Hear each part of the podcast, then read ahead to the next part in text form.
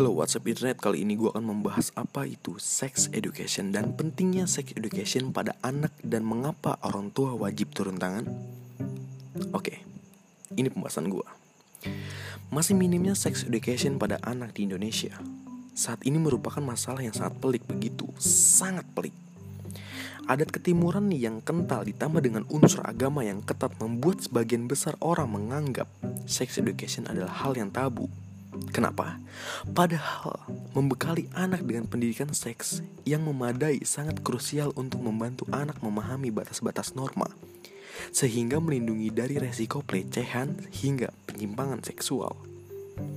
Sex education pada anak apa sih fungsinya?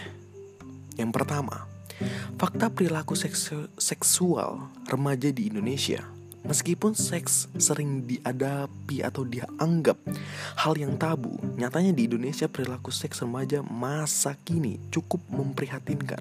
Kenapa? Terlebih dengan teknologi kemajuan. Remaja bisa mengakses berbagai konten berbau seksual di internet dan sumber-sumber lainnya. Akibatnya apa? Kasus pornografi pelecehan seksual hingga perilaku seks bebas di kalangan remaja kerap sekali menghiasi berita nasional kita. Dan tidak lebih lagi yang kedua itu, sex education adalah tanggung jawab orang tua dalam mengasuh anaknya. Oke, banyak orang tua merasa bingung atau tidak tahu bagaimana caranya memulai mengajarkan pendidikan seks kepada anak. Salah satunya, satu hal yang perlu anda ingat adalah sex education pada anak berbeda halnya dengan mengajarkan anak melakukan seks. Tolong ini tanda, dikasih tanda kutip. Saya ulangi. Sex education pada anak berbeda halnya dengan mengajarkan anak melakukan seks. Sex education adalah pengetahuan bagi anak untuk mengenali fungsi tubuhnya, memahami etika dan norma serta konsekuensi dan setiap perbuatannya.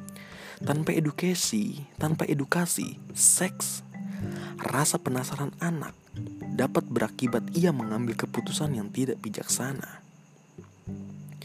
Saat mengeksploitasi atau mengeksplorasi seksualitasnya, usia remaja adalah masa pubertas di mana remaja mengalami banyak sekali perubahan baik secara fisik maupun psikis.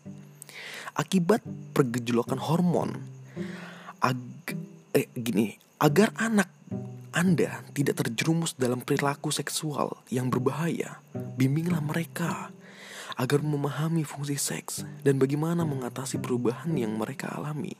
Selama masa pubertas berlangsung, ajaklah mereka berdiskus, berdiskusi dengan pikiran yang terbuka sehingga remaja merasa nyaman mengutarakan pemikirannya dan pertanyaan yang ia ingin, yang ia miliki kepada orang tuanya.